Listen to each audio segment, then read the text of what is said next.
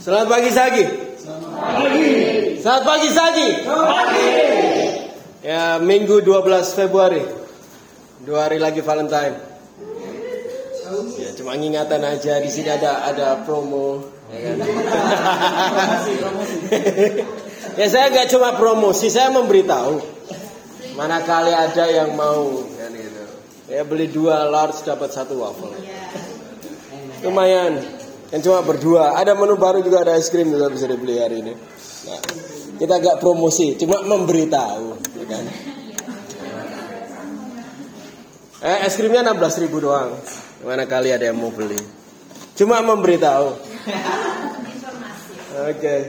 Judul hari ini adalah The Beginning. In Beninging. Nah. Jadi beninging. Oke, okay, uh, mengucap syukur dari apa yang Tuhan sudah lakukan sampai saat ini, Bapak Ibu Saudara, kepada dan untuk komunitas kita. Banyak hal yang terjadi baik selama satu setengah bulan di dalam tahun 2023 ini. Udah cepet banget, ya. Uh, dan masih banyak lagi yang Tuhan akan lakukan juga melalui kita dan untuk kita jadi siap-siap di baru satu setengah bulan. Kerasanya udah banyak banget ya yang terjadi, tapi baru aja satu setengah bulan, nggak banyak. Gitu. Dan saya merasa semakin semangat juga untuk untuk siap-siap mengalami hal-hal yang baru yang Tuhan sudah siapkan untuk kita di tahun ini. So, siapa yang mau nikmati itu sama saya? Amin. Kita ke 1 Samuel 16.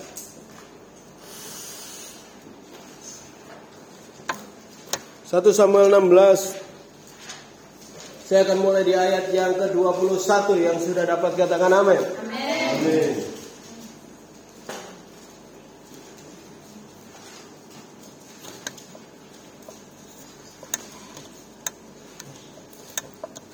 Seperti biasa firman Tuhan yang saya bawakan harus sangat-sangat hati-hati diperhatikan. Okay. Ayat 20, kita langsung ke 22 deh. Ya. Sebab itu Saul menyuruh orang kepada Isai mengatakan, biarlah Daud tetap menjadi pelayanku, sebab aku suka padanya. Dan setiap kali apabila roh yang daripada Tuhan itu hingga pada Saul. Maka Daud mengambil kecapi dan memainkannya. Saul merasa lega dan nyaman dan roh yang jahat itu undur daripadanya. Siapa yang di sini tidak mengenal Raja Daud? Saya nggak kenal saya. Tapi di dalam cerita ini dia belum berkedudukan atau uh, sudah uh, belum menjadi raja. Ya, walaupun dia sudah diurapi sebagai raja sebelum waktu ini. Raja Saul masih menduduki tahta. Walaupun Tuhan sudah menolak dia di waktu pasal ini.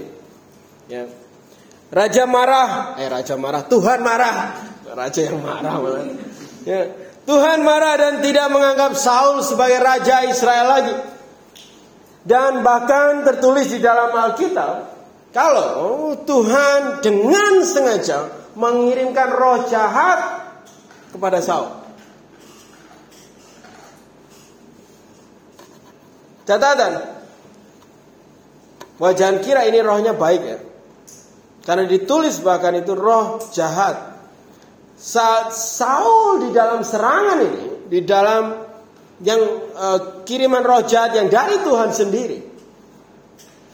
Uniknya adalah saat Daud memainkan kecapinya, memainkan lagu, Saul merasa lebih baik dan roh jahat itu pun mundur dari Saul. Sungguh cerita yang unik. Dua-duanya, Saul dan Daud, itu orang yang mengenal Tuhan. Kenal Adonai. Walaupun Saul bukanlah pilihan Tuhan waktu itu, tetapi Tuhan juga mengurapi dia. Daud adalah orang pilihan Tuhan yang juga akhirnya diurapi diurapi Tuhan juga. Nah sekarang menjadi menarik. Yang pertama kita bisa lihat di sini adalah walaupun kita sudah diurapi Tuhan Bapak Ibu Saudara, bukan berarti kita akan menjadi orang yang kebal hukum Tuhan. Catat baik-baik itu. Ya. Walaupun kita sudah diurapi Tuhan, bukan berarti kita menjadi orang yang kebal dari hukum Tuhan sendiri. Saul tetaplah salah dan berdosa saat dia memilih melakukan dosa, walaupun Tuhan sudah mengurapi dia.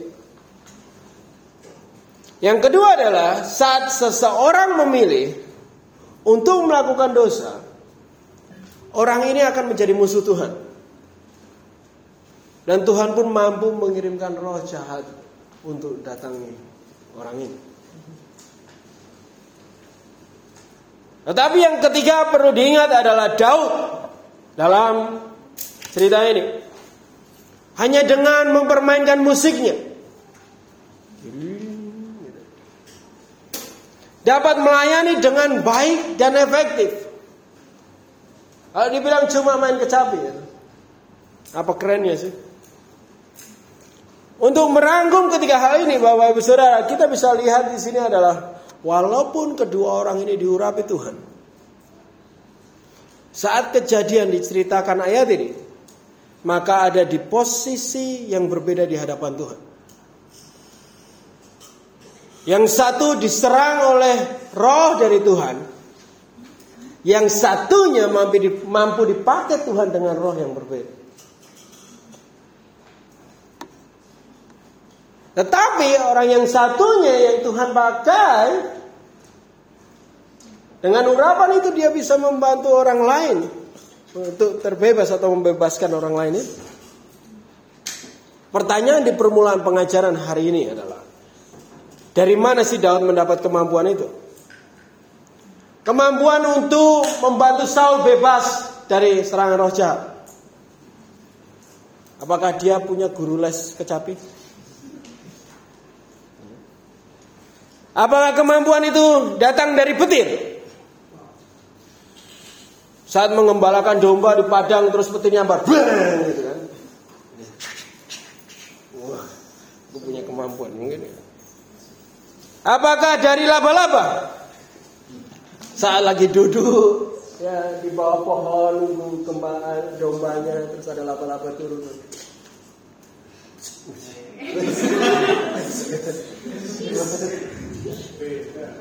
Beda. Kira-kira apakah dari bayam? ya, yang tua udah ngerti. Ya kan? ya. Sengaja, tidak sengaja dia menemukan bayam di antara rumputan ya, di padang rumput itu dan dia makan bisa dikuat. Jadi punya kemampuan itu. Kita lihat di ayat 13 Bapak Ibu Saudara di pasal yang sama. Samuel mengambil tabung tanduk yang berisi minyak di situ. Ya. Dan apa yang dilakukan? Dia mengurapi Daud di tengah-tengah saudaranya. Sejak dari itu, kalau kita mencatat ini, dan seterusnya berkuasalah roh Tuhan atas Daud Kalau pertanyaan tadi, dari mana Daud dapat kemampuan yang tadi? Dari roh Tuhan. Kemampuan untuk bermain musik dan berdampak ke orang lain. Dari petir? Atau dari laba-laba? Atau dari bayam? Tapi jangan benci bayam ya. Ada sesuatu yang terjadi sebelum Daud masuk ke istana Saul. Pengurapan yang membawa Roh Kudus. Pengurapan yang membawa Roh Tuhan. Ada Roh Tuhan yang tercurah bagi dia di dalam pengurapan ini. Roh Tuhan itu membawa pengurapan di dalam semua hal yang akhirnya Daud lakukan Apa pun yang dia lakukan menjadi efektif karena ada pengurapan Roh Kudus di dalam. Bahkan hanya memetik kecapi aja. Tangannya cuma metik senar kecapi.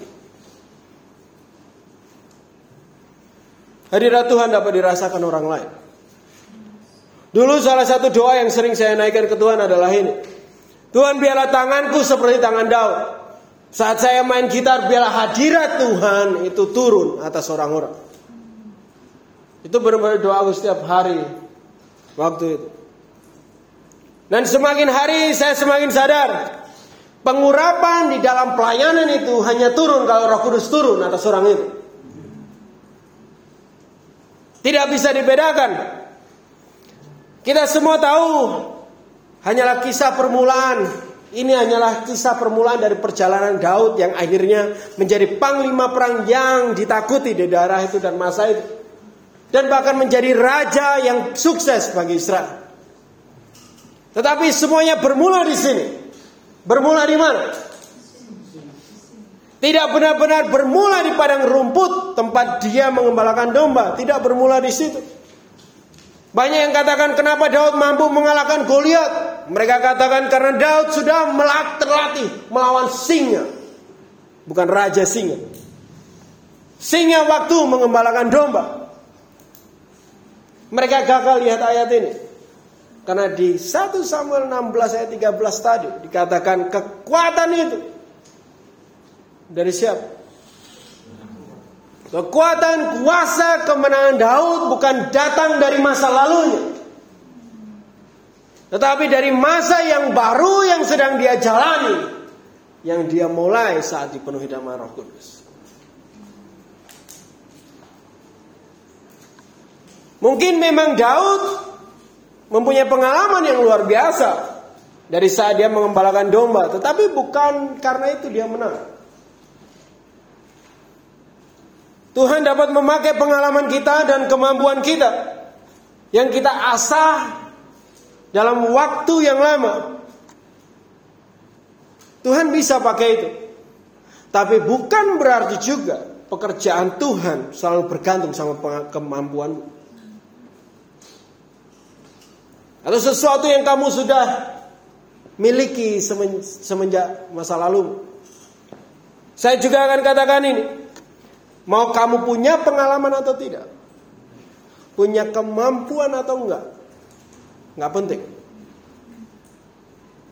Yang terpenting adalah kamu punya roh Tuhan atau enggak.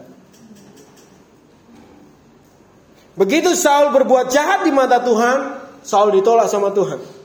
Dan roh Tuhan meninggalkan dia. Masih ingat cerita itu? Tetapi akhirnya Daud dipilih dan dipenuhi. Dipilih dan dipenuhi oleh Roh Kudus. Kita semua tahu hal ini. Hanya kisah permulaan dari perjalanan Daud yang dahsyat. Karena saya percaya kita semua tahu cerita ini.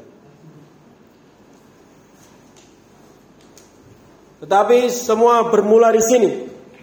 Dimulai di sini. Dimulai pada saat Daud dipenuhi sama Roh Kudus. Inilah permulaannya. Kita lihat di kisah Rasul 3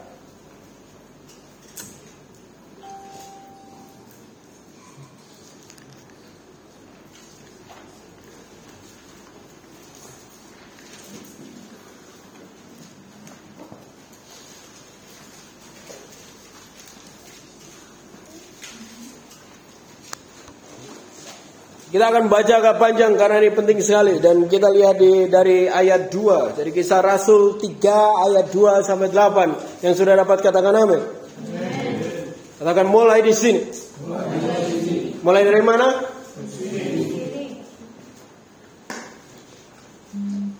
Ayat 2, di situ ada seorang laki-laki yang lumpuh sejak lahir sehingga ia harus diusung. Tiap-tiap hari orang itu diletakkan dekat pintu gerbang bait Tuhan yang bernama gerbang indah untuk meminta sedekah kepada orang yang masuk ke dalam bait Tuhan. Ketika orang itu melihat bahwa Petrus dan Yohanes hendak masuk ke bait Tuhan, ia meminta sedekah. Mereka menatap dia dan Petrus berkata, "Lihatlah kepada kami." Lalu orang itu menatap mereka dengan harapan akan mendapat sesuatu dari mereka. Tetapi Petrus berkata, emas dan perak tidak ada padaku, tetapi apa yang kupunyai kuberikan kepadamu. Demi nama Yesus Kristus orang Nazaret itu berjalanlah. Lalu ia memegang tangan orang itu dan membantu dia berdiri. Seketika itu juga kuatlah kaki dan mata kaki orang itu. Ia melonjak berdiri lalu berjalan kian kemari dan mengikuti mereka ke bait Tuhan, berjalan dan melompat serta memuji Tuhan. Setelah Saul dan Daud tadi, sekarang kita lihat Petrus dan Yohanes. Siapa yang tidak mengetahui? Siapa yang tidak mengetahui siapa itu Petrus dan Yohanes?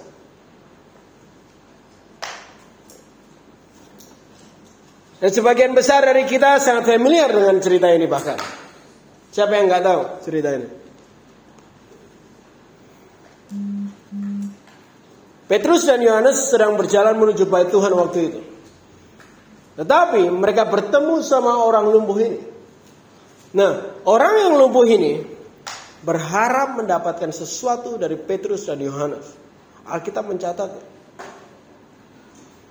dan dikatakan Alkitab bahwa si lumpuh ini setiap hari sudah mengemis di tempat itu. Petrus mengatakan emas dan perak tidak ada padaku. Apa emas dan perak itu? Emas dan perak adalah salah satu alat tukar seperti uang pada zaman itu. Tetapi saat Petrus mengatakan hal ini, Petrus mencoba menunjukkan bahwa dia tidak memiliki emas dan perak. Dia tidak memiliki apa yang bagi manusia bernilai. Dia tidak memiliki apa yang dia mungkin bisa hasilkan sendiri. Tetapi dia memiliki sesuatu yang telah diberikan kepada dia. Si pengemis lumpuh ini, sih nggak ngomong apa-apa di ayat ini. Apa kalian lihat dia ngomong sesuatu? Tapi dikatakan di ayat 5 tadi, pengemis itu menatap dengan tatapan pengharapan. Gimana natap? Gimana? Gitu. itu beda pengharapannya. Si pengemis memang tidak katakan kalau dia minta emas dan perak. Tetapi dari tatapan mata ini Petrus dapat mengetahui maksud dia. Pernah orang natap kamu dan kamu langsung ngerti maksudnya apa? Ya. Ya. Eh, Petrus bilang emas dan emas dan perak gak ada padaku, tetapi apa yang kupunyai. Maksudnya adalah apa yang kamu mau dan harapkan untuk ku kasih, aku nggak punya. Tapi aku punya sesuatu yang lain. Apa yang Petrus dan Yohanes miliki? Agak maju dikit ke pasal 2.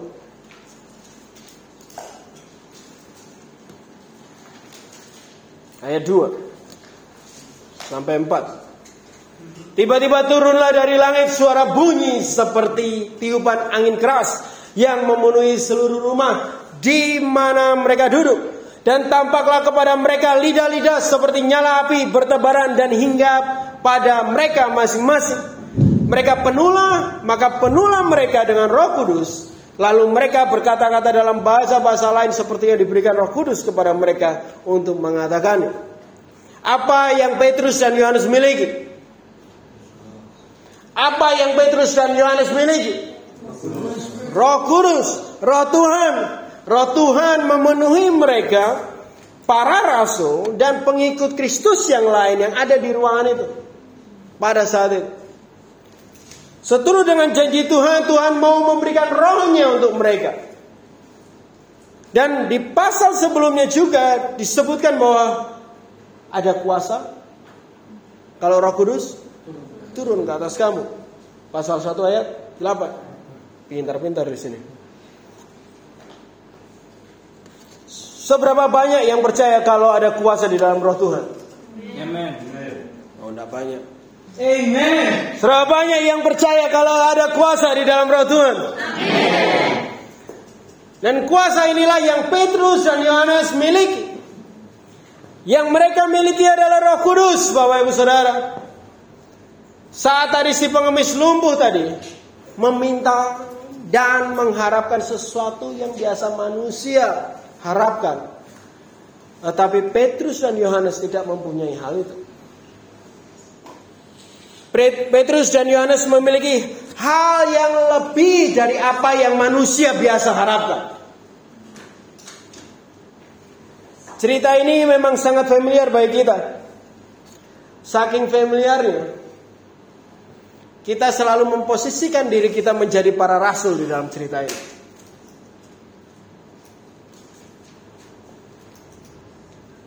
Kita memposisikan diri kita menjadi Petrus dan Yohanes. Sering sekali kita membaca firman Tuhan, kita menaruh diri kita kepada posisi pemeran utama di dalam cerita itu. Sehingga sering kita merasa kita sudah mengenali cerita itu dengan baik. Kita lebih sering padahal menjadi orang lumpuh ini ketimbang menjadi para rasul di dalam kehidupan nyata kita. Kenapa? Kita lebih sering ngemis daripada berjalan dalam iman. Kita sih berharap untuk jadi Petrus dan Yohanes yang punya iman yang besar. Tetapi kenyataannya kita menjadi pengemis yang turut terus ada di hadapan Tuhan. Bahkan apa yang kita minta, apa yang kita harapkan juga seperti apa yang pengemis ini harapkan daripada para rasul. Ada yang diharapkan pengemis, apa yang diharapkan pengemis di cerita ini? Emas dan perak. Begitu terpengaruhnya dia dengan dunia sekitarnya. Dia bahkan lupa sesuatu yang paling dasar yang dia butuhkan. Dia lupa kalau dia butuh kesembuhan untuk berjalan lagi. Karena banyak orang di sekitarnya meminta emas dan perak. Untuk informasi aja tempat dia ngemis bukan tempat hanya dia yang ngemis di situ. Ada geng pengemis. Bahkan dengan hanya menatap para rasul saja, para rasul sudah tahu apa yang pengemis ini harapkan. Yang pasti bukan berharap untuk bisa jalan. Kadang kita datang ke Tuhan dengan tatapan mata yang Tuhan pun sudah tahu apa yang kami kamu minta dan harapkan. Karena semua orang di sekitar berdoa untuk emas dan perak, kita ikut mengharapkan hal itu. Padahal kita berjalan pun nggak bisa. Karena semua orang sekitar berdoa untuk mobil dan berdoa untuk pekerjaan dengan gaji besar, berdoa untuk rumah besar. Kita ikut mengharapkan hal itu, padahal rohani kita pun tidak bisa berjalan. Kita inginkan semua hal yang manusia bisa dan juga inginkan, tapi lupa kalau kita bahkan tidak dapat berjalan. Baju baru, kendaraan baru, HP baru, emas baru, perak baru, mungkin pacar baru, gereja baru, pendeta baru sekalian. Padahal baca ayat Alkitab, firman Tuhan, di Matius saja bisa nggak ngerti.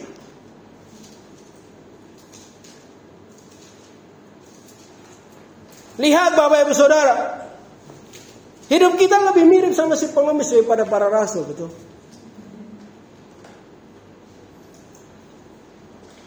Tapi mungkin memang tidak tahu apa yang benar-benar kamu butuhkan. Tapi Tuhan tahu. Tuhan tahu apa yang kamu butuh.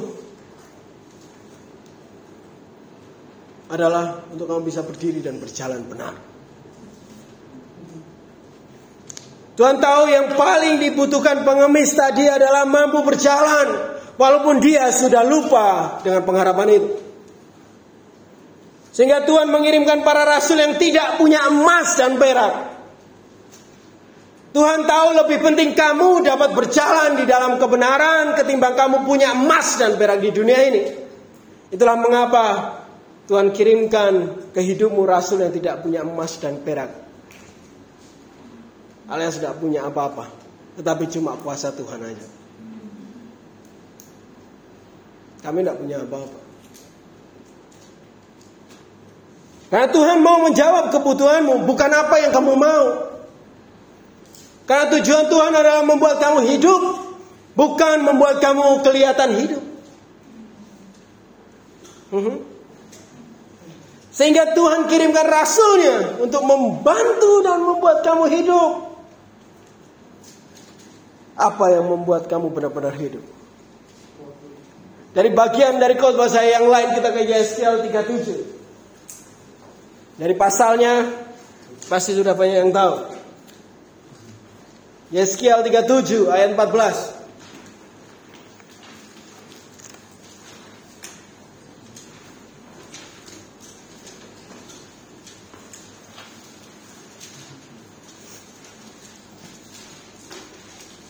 Aku akan memberikan rohku ke dalammu sehingga kamu hidup kembali. Dan aku akan membiarkan kamu tinggal di tanahmu. Dan kamu akan mengetahui bahwa aku Tuhan yang mengatakannya dan membuatnya demikian. Firman Tuhan. Kita semua pernah mati. Kita semua pernah lumpuh juga. Maksudnya adalah sudah pernah dihidupkan tetapi terus melambat dan tidak berjalan lagi. Ada yang pernah mati dan dihidupkan, ada yang sudah dihidupkan dan akhirnya lumpuh. Karena akhirnya melambat dan tidak bisa berjalan. Anehnya adalah di dalam kondisi-kondisi mati, kering, lumpuh ini,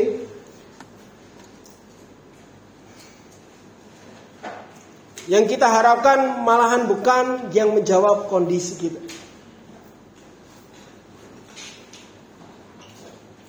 Yang kita harapkan adalah apa yang biasa orang dunia harapkan kalau ada dalam kondisi-kondisi ini.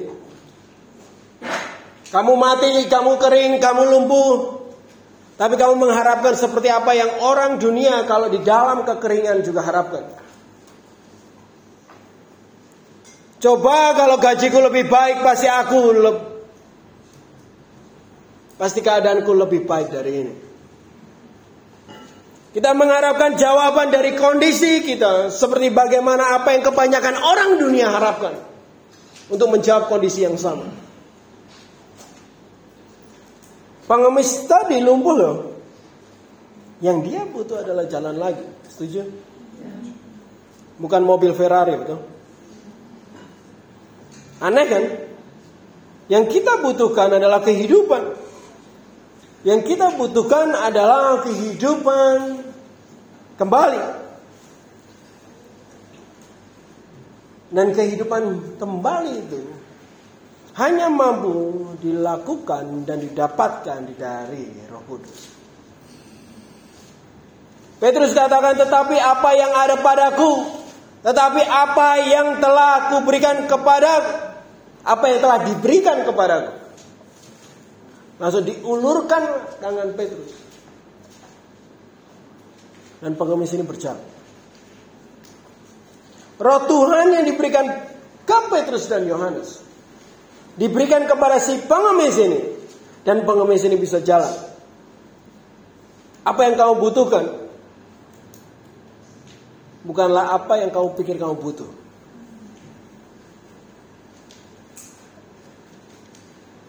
Yang kamu benar-benar butuh adalah Roh Kudus.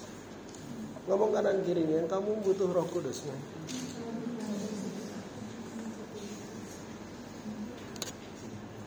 Yang kamu butuhkan adalah Roh Kudus yang akan menguatkan kaki yang gentar. Akan menguatkan kaki yang gentar karena capek jalan terus. Ada yang kadang kakinya gemetar di sini karena capek jalan terus. Hidupmu gemetar karena kamu mencoba terus untuk hidup benar setiap hari, tapi kamu ada titik lelahnya. Kamu cuma butuh Roh Kudus di situ. Yang akan menghidupkan kaki yang lumpuh, kaki yang sudah mulai mati dan nggak mampu berjalan lagi. Kamu mampu butuh Roh Kudus. Yang akan menghidupkan tulang yang kering, hidup yang sudah tidak ada pengharapan lagi. Kamu cuma butuh Roh Kudus. Dipenuhi Roh Kudus menjadi permulaan kehidupan Daud di dalam urapan dan membuat Daud berdampak bahkan melalui hal yang sederhana seperti bermain musik. sampai kepada hal besar seperti berperang.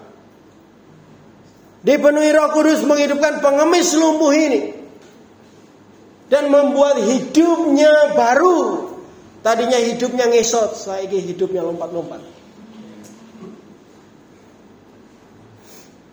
Hidup yang berjalan di atas kakinya, berjalan dalam kehidupan yang Tuhan berikan. Menerima Roh Kudus adalah awal dari kehidupan baru. Kehidupan baru yang lebih efektif. Kehidupan baru yang lebih berdampak. Kehidupan baru yang la, lebih lagi masuk di dalam kerajaan Tuhan.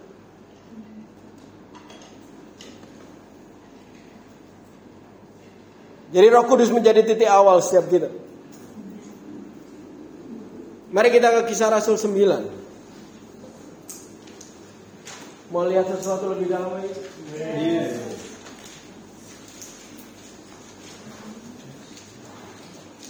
Kisah Rasul 9 saya mulai dari ayat 17. Yang sudah dapat katakan hidup. Hidup. hidup.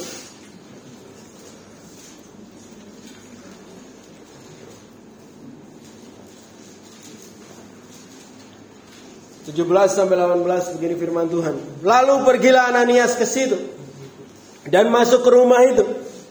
Ia menumpangkan tangannya ke atas Saulus. Katanya Saulus, saudaraku, Tuhan Yesus yang telah menampakkan diri kepadamu di jalan yang engkau lalui. Aku telah menyuruh, dia telah menyuruh aku kepadamu. Ini bukan Ananias suaminya Safira ya. Supaya engkau dapat melihat lagi dan penuh dengan Roh Kudus. Dan seketika itu juga seolah-olah selaput gugur dari matanya. Sehingga ia dapat melihat lagi. Ia bangun lalu dibaptis. Saul. Tetapi ini bukan Saul yang bersama Daud tadi. Yang ini nama bahasa Indonesia-nya adalah Saulus. Dari perikop sebelumnya kita dapat melihat bagaimana perjumpaan Saulus kepada dan dengan Yesus membuat dia buta. Di ayat 8 Saulus bangun dan berdiri lalu membuka matanya tetapi tidak dapat melihat. Jadi ada orang-orang yang harus nuntun dia sampai Damsik akhirnya. Saulus mengalami kebutaan saat berjumpa dengan Yesus pertama kalinya. Ini detail yang menarik. Berjumpa sama Yesus pertama kali langsung buta. Piye Tuhan Yesus benar-benar sengaja membutakan mata Saulus pada waktu itu. Ini menjadi pertanyaan bagi kita. Kenapa Tuhan membutakan mata Saulus? Jawabannya adalah supaya Saulus tidak dapat melihat.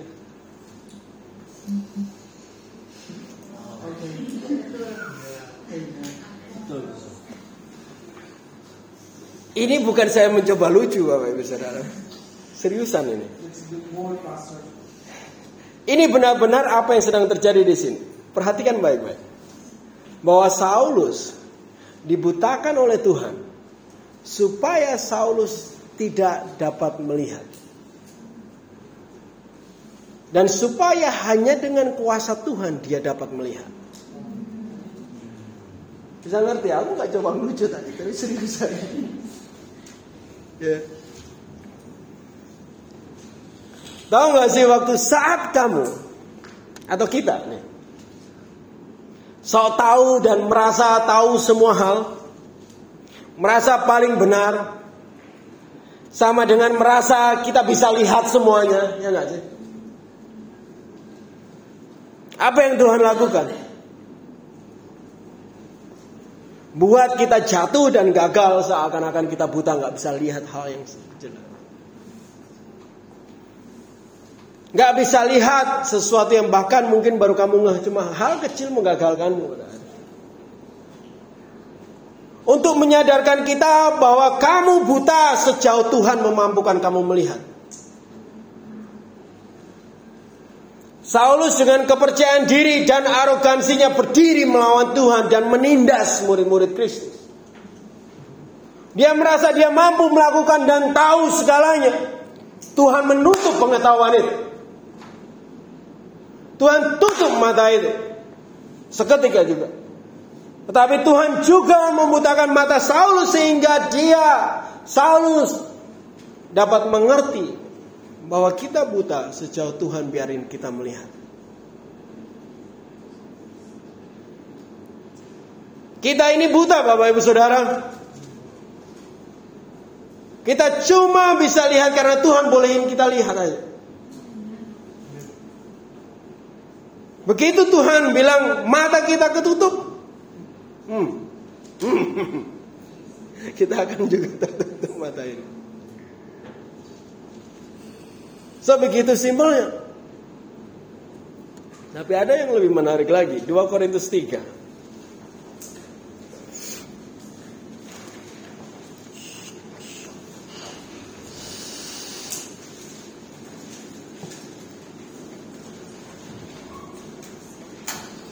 Dua Korintus 3 ayat 14 Yang sudah dapat katakan buta Ayat 14 begini firman Tuhan, tetapi pikiran mereka telah menjadi tumpul. Sebab sampai pada hari ini selubung itu masih tetap menyelubungi mereka. Jika mereka membaca perjanjian lama itu tanpa disingkapkan, karena hanya Kristus saja yang dapat menyingkapkannya. Bahkan sampai hari ini, setiap kali mereka membaca kitab Musa, ada selubung yang menutupi hati mereka. Kemarin Kamis dalam pengajaran sejarah kita, kita sedikit berbicara tentang guru dari Alexander Agung. Siapa yang masih ingat siapa namanya? Aristoteles.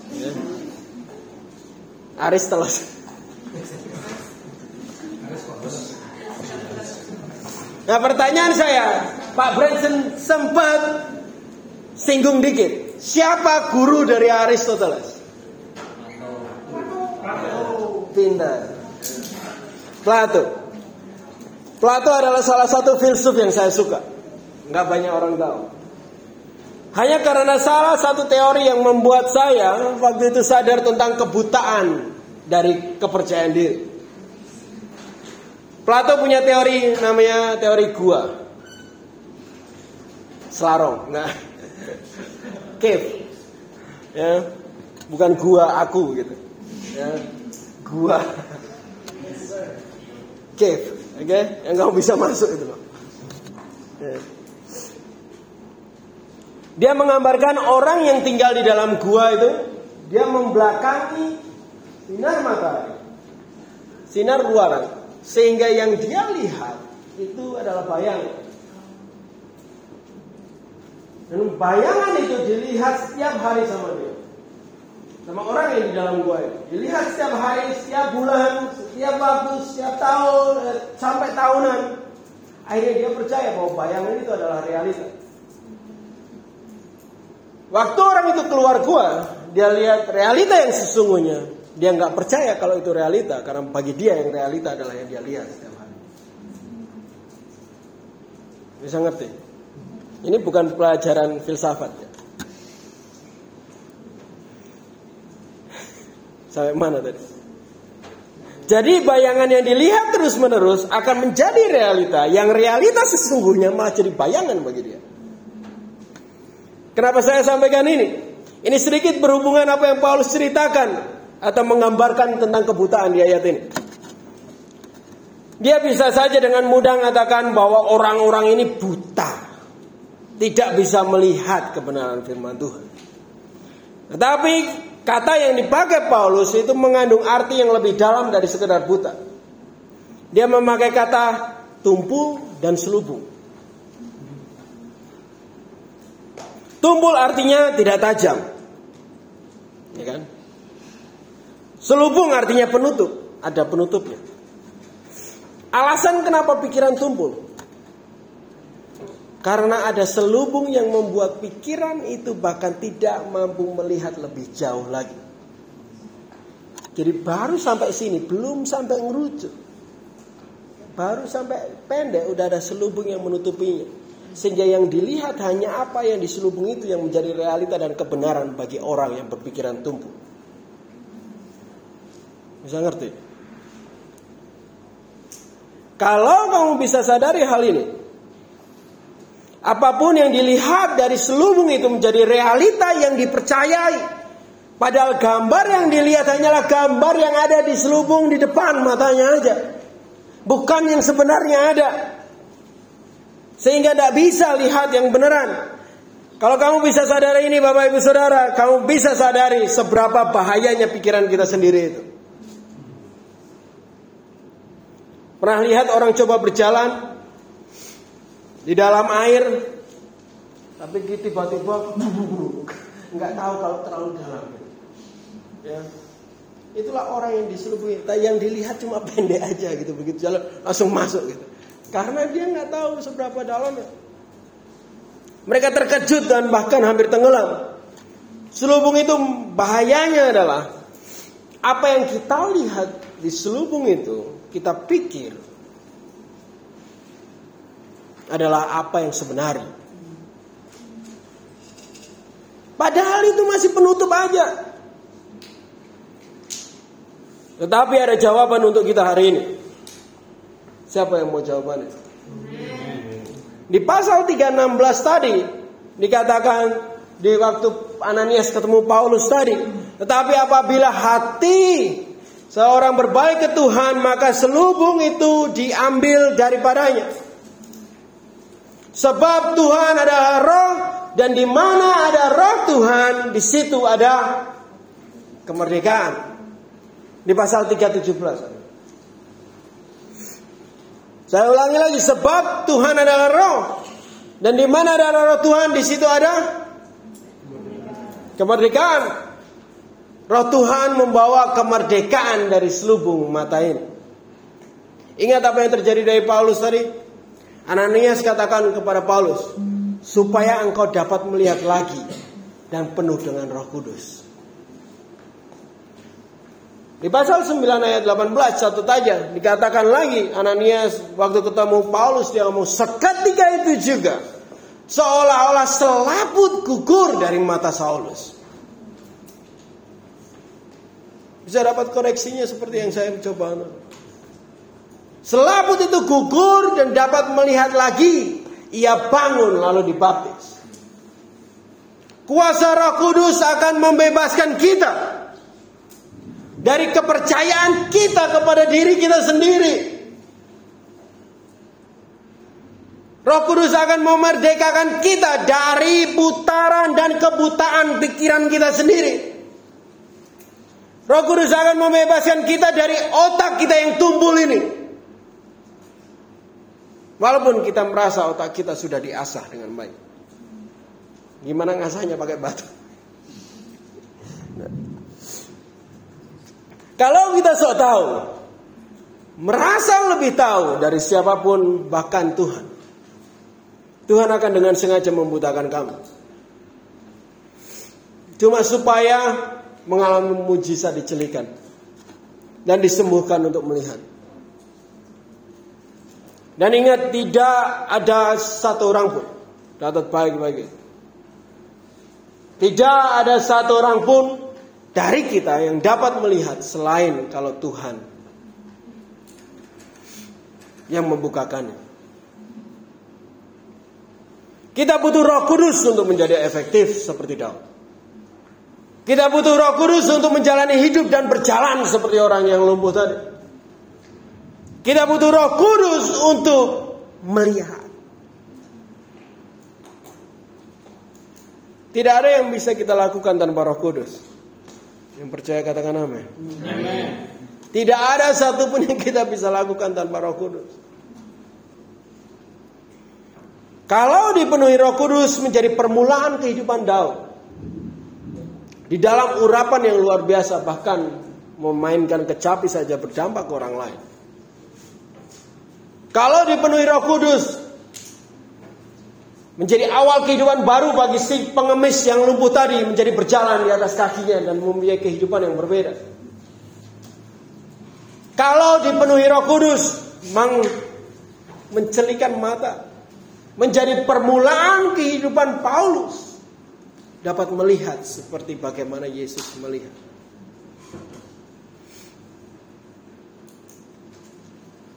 Siapa yang mau berfungsi dan lebih efektif dalam urapan Tuhan di sini?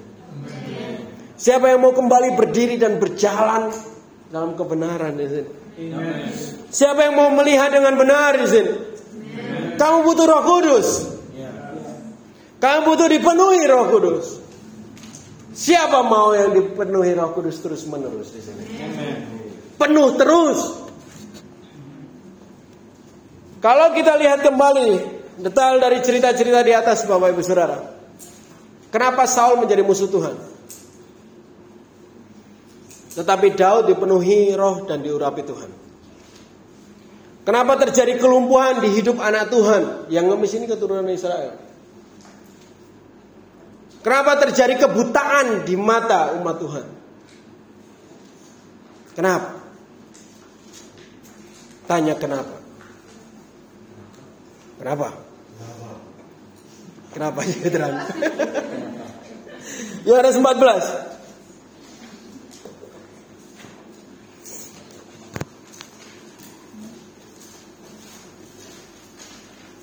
Saya akan coba perlambat enggak. Percepat karena nasi sudah menjadi dingin. Bukan kasih menjadi dingin. ya. Yohanes 14 ayat 15 sampai 16 ya. Jikalau kamu mengasihi aku, kamu akan menuruti perintahku. Aku akan minta kepada Bapa dan ia akan memberikan kepadamu seorang penolong yang lain supaya ia menyertai kamu selama-lamanya. Mudah nih, bottom lainnya atau alasan utama mengapa hidup kita tidak dapat dipenuhi Roh Kudus atau tidak dapat menerima kuasa Roh Kudus adalah karena kita nggak taat. Ya kan? Karena di sini jelas sekali dikatakan kamu menuruti perintahku akan tak mintain penolong itu. Aku akan diberikan roh yang membawa urapan ilahi seperti pada kehidupan Daud. Akan diberikan roh kudus yang membawa kehidupan baru dan kehidupan yang berjalan dalam kehidupan kuasa roh Tuhan di atas kaki yang mujizat. Akan diberikan roh yang membantu kamu melihat dengan benar. Akan diberikan kepadamu kalau kamu taat kepada perintah Tuhan.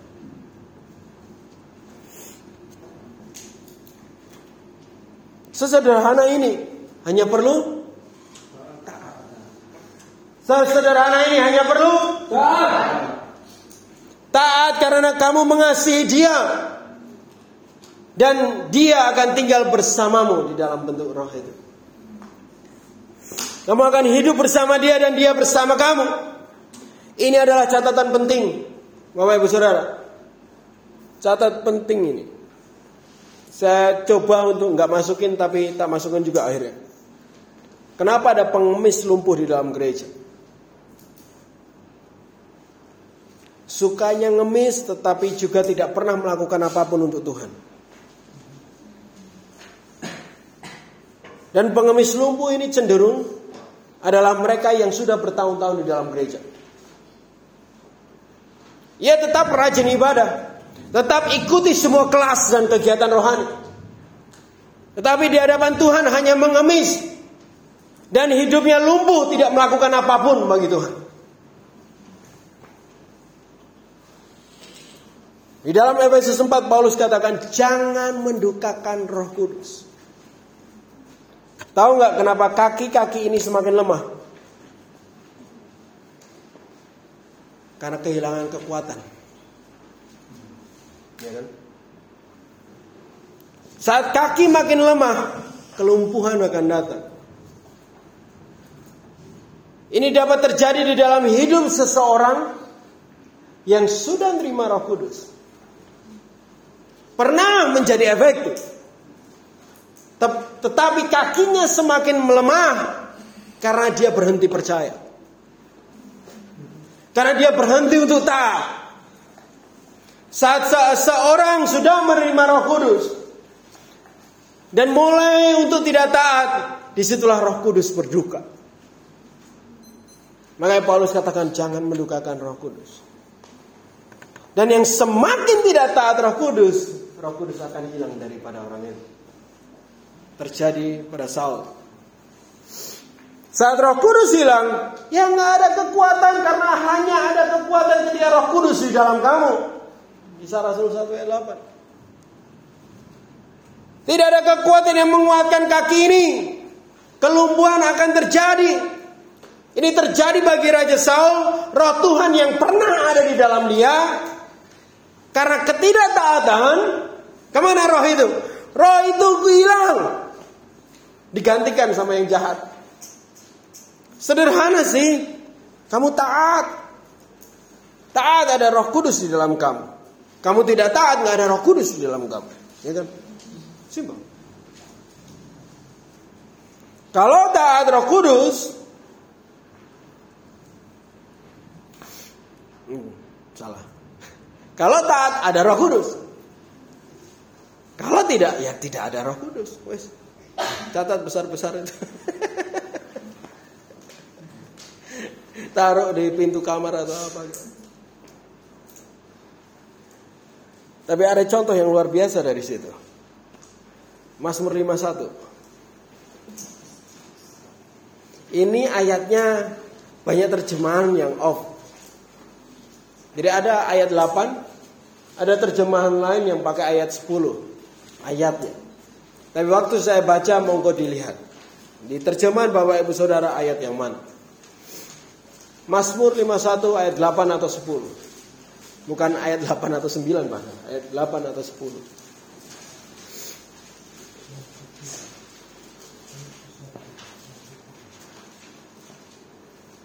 Biarlah aku mendengar kegirangan dan sukacita.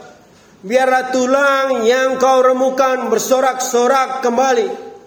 Sembunyikanlah wajahmu dari dosaku. Hapuskan segala kesalahanku. Jadikanlah hatiku tahir ya Tuhan. Dan berbaurilah batinku dengan roh yang teguh. Jangan membuang aku dari hadapanmu. Dan janganlah mengambil rohmu yang kudus daripadaku.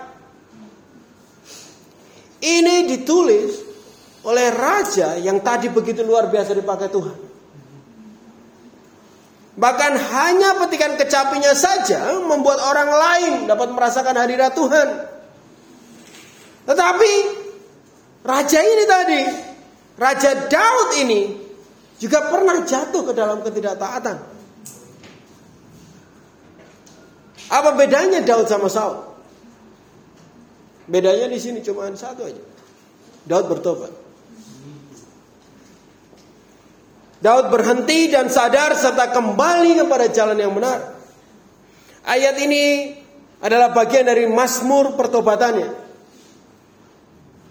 Dia sadar kalau dosa dan ketidaktaatan dapat membuat Tuhan mengambil kembali rohnya dari hidup dirinya, Daud ini. Tapi Daud katakan, janganlah mengambil rohmu yang kurus daripadaku.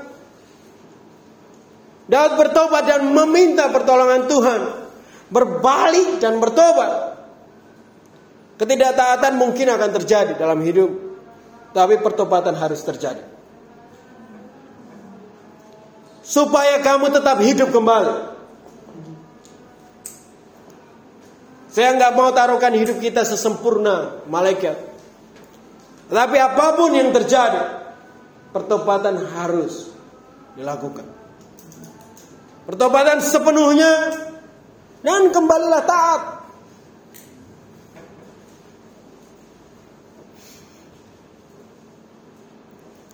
Yohanes 3 ayat 5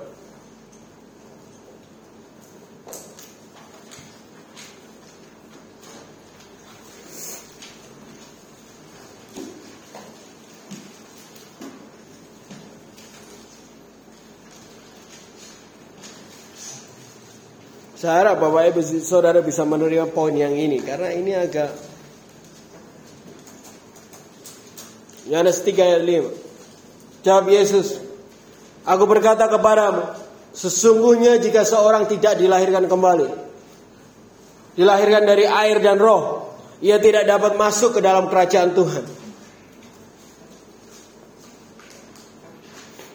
Hari ini kita belajar bahwa menerima Roh Kudus adalah awal dari perjalanan hidup yang benar-benar hidup. Yang setuju katakan amin. Di ayat ini Yesus katakan hanya mereka yang lahir dari air dan roh. Hanya mereka yang dibaptis dengan air dan dibaptis oleh roh. Yang adalah menerima roh kudus itu. Mereka lah yang dapat masuk kerajaan surga. Saya nggak buat-buat tapi Alkitab Bapak Ibu Saudara juga ada tulisan ini. Betul? Mudahnya adalah saya dapat katakan bahwa gini. Yang layak disebut Kristen hanya mereka yang dibaptis dan menerima Roh Kudus.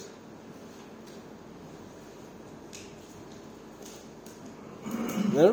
Ya. Betul? Kalau dari ayat ini, karena hanya mereka yang dibaptis oleh air dan roh, mereka dapat masuk kerajaan surga. Baptis air saja nggak cukup, baptis roh saja juga nggak cukup, harus dua-duanya. Mudahnya saya katakan seperti itu. Yang layak disebut orang Kristen hanya mereka yang dibaptis dan menerima Roh Kudus. Bahkan Paulus di Efesus 1 juga katakan bahwa Roh Kuduslah yang memeteraikan kita sebagai anak Tuhan. Ya kan? Jadi tanpa Roh Kudus di mata Tuhan kita bukan orang Kristen. Karena meterainya itu adalah Roh Kudus. Jadi menerima Roh Kudus adalah kehidupan normal yang seharusnya dialami oleh setiap orang Kristen.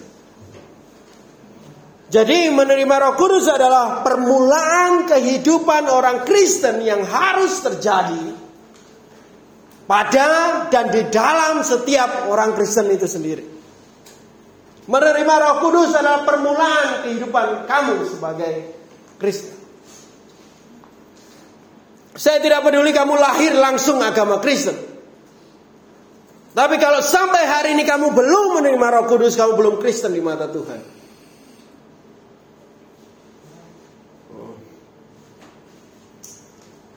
Jadi menerima Roh Kudus itu titik awal Bapak Ibu Saudara. Titik awal, titik permulaan menjadi pengikut Kristus. Kalau nggak ada meterainya nggak bisa ngaku-ngaku. Kalau nggak ada badge-nya nggak bisa kamu masuk asal sekolah. Nggak ada alma maternya kamu nggak bisa ngaku-ngaku mahasiswa dari kampus itu. Harus punya alma maternya dulu baru bisa masuk kampus itu. Harus punya roh kudus dulu supaya kamu dimeteraikan sebagai umatnya dan kamu jadi Kristen di mata Tuhan. Jadi dipenuhi roh kudus adalah titik permulaan yang normal bagi orang Kristen. Ini bukan luar biasa. Catat baik-baik. Ini harus dan seharusnya menjadi kehidupan biasa yang terjadi bagi orang Kristen. Kalau kamu berpikir seperti itu membantu untuk kamu udah punya Roh Kudus kamu nggak nggak merasa kayak superstar.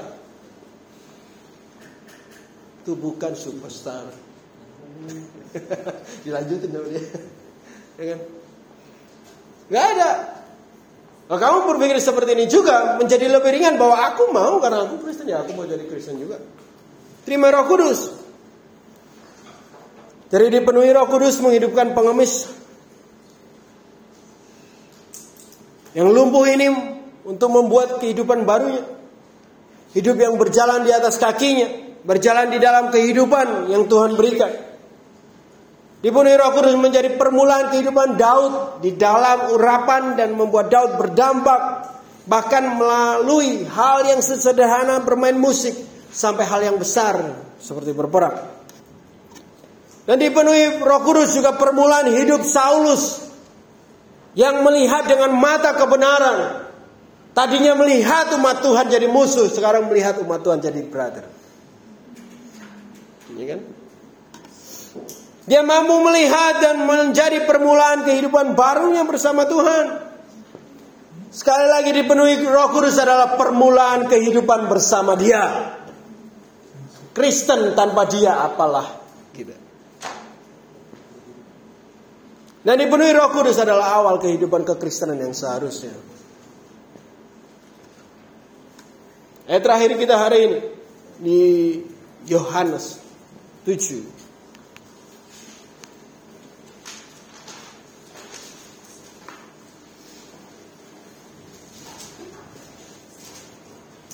Yohanes 7 ayat 37. Yang sudah lapar katakan amin.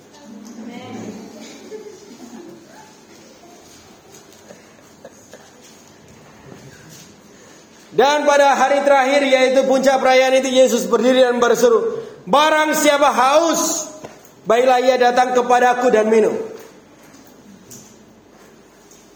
Barang siapa percaya kepadaku, seperti yang dikatakan kepada kita oleh kitab suci ini dalam hatinya, akan mengalir aliran air hidup. Yang dimaksudkannya ialah pada situ roh yang akan diterima oleh mereka yang percaya kepadanya, sebab roh itu belum datang karena Yesus belum dimuliakan. Tapi ini catatannya bahwa siapa pun yang haus, datanglah ke aku dan aku akan berikan air ini. Sekali lagi siapa yang mau berfungsi dan efektif bagi Tuhan? Siapa yang mau berdiri dan berjalan dalam kebenaran? Amen. Siapa yang mau melihat dengan benar? Amen. Barang siapa haus baiklah ia datang kepada aku. Dan siapa yang percaya, siapa yang datang dan percaya dikatakan di sini akan ada aliran hidup yang mengalir untuk mereka dan dari mereka. Aliran air hidup Roh Kudus ya untuk mereka yang haus. Tim worship boleh maju ke depan.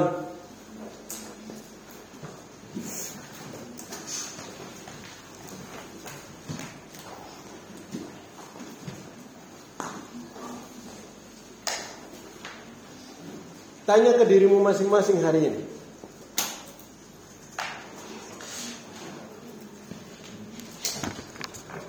Tanya ke dirimu masing-masing hari ini. Atau lihat kanan kirimu. Seberapa hauskah dirimu? Ingat bahwa kekristenan hanyalah tentang Kristus hidup di dalam kamu dan kamu hidup di dalam dia.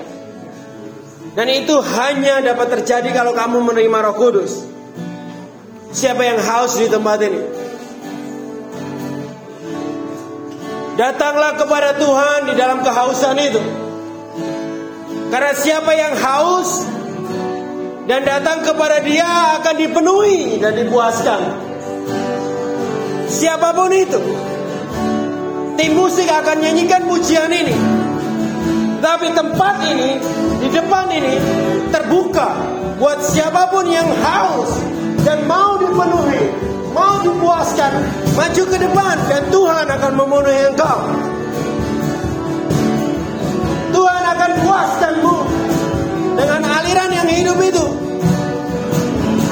Sekali lagi tim musik akan nyanyikan pujian ini. Tapi tempat ini terbuka buat engkau.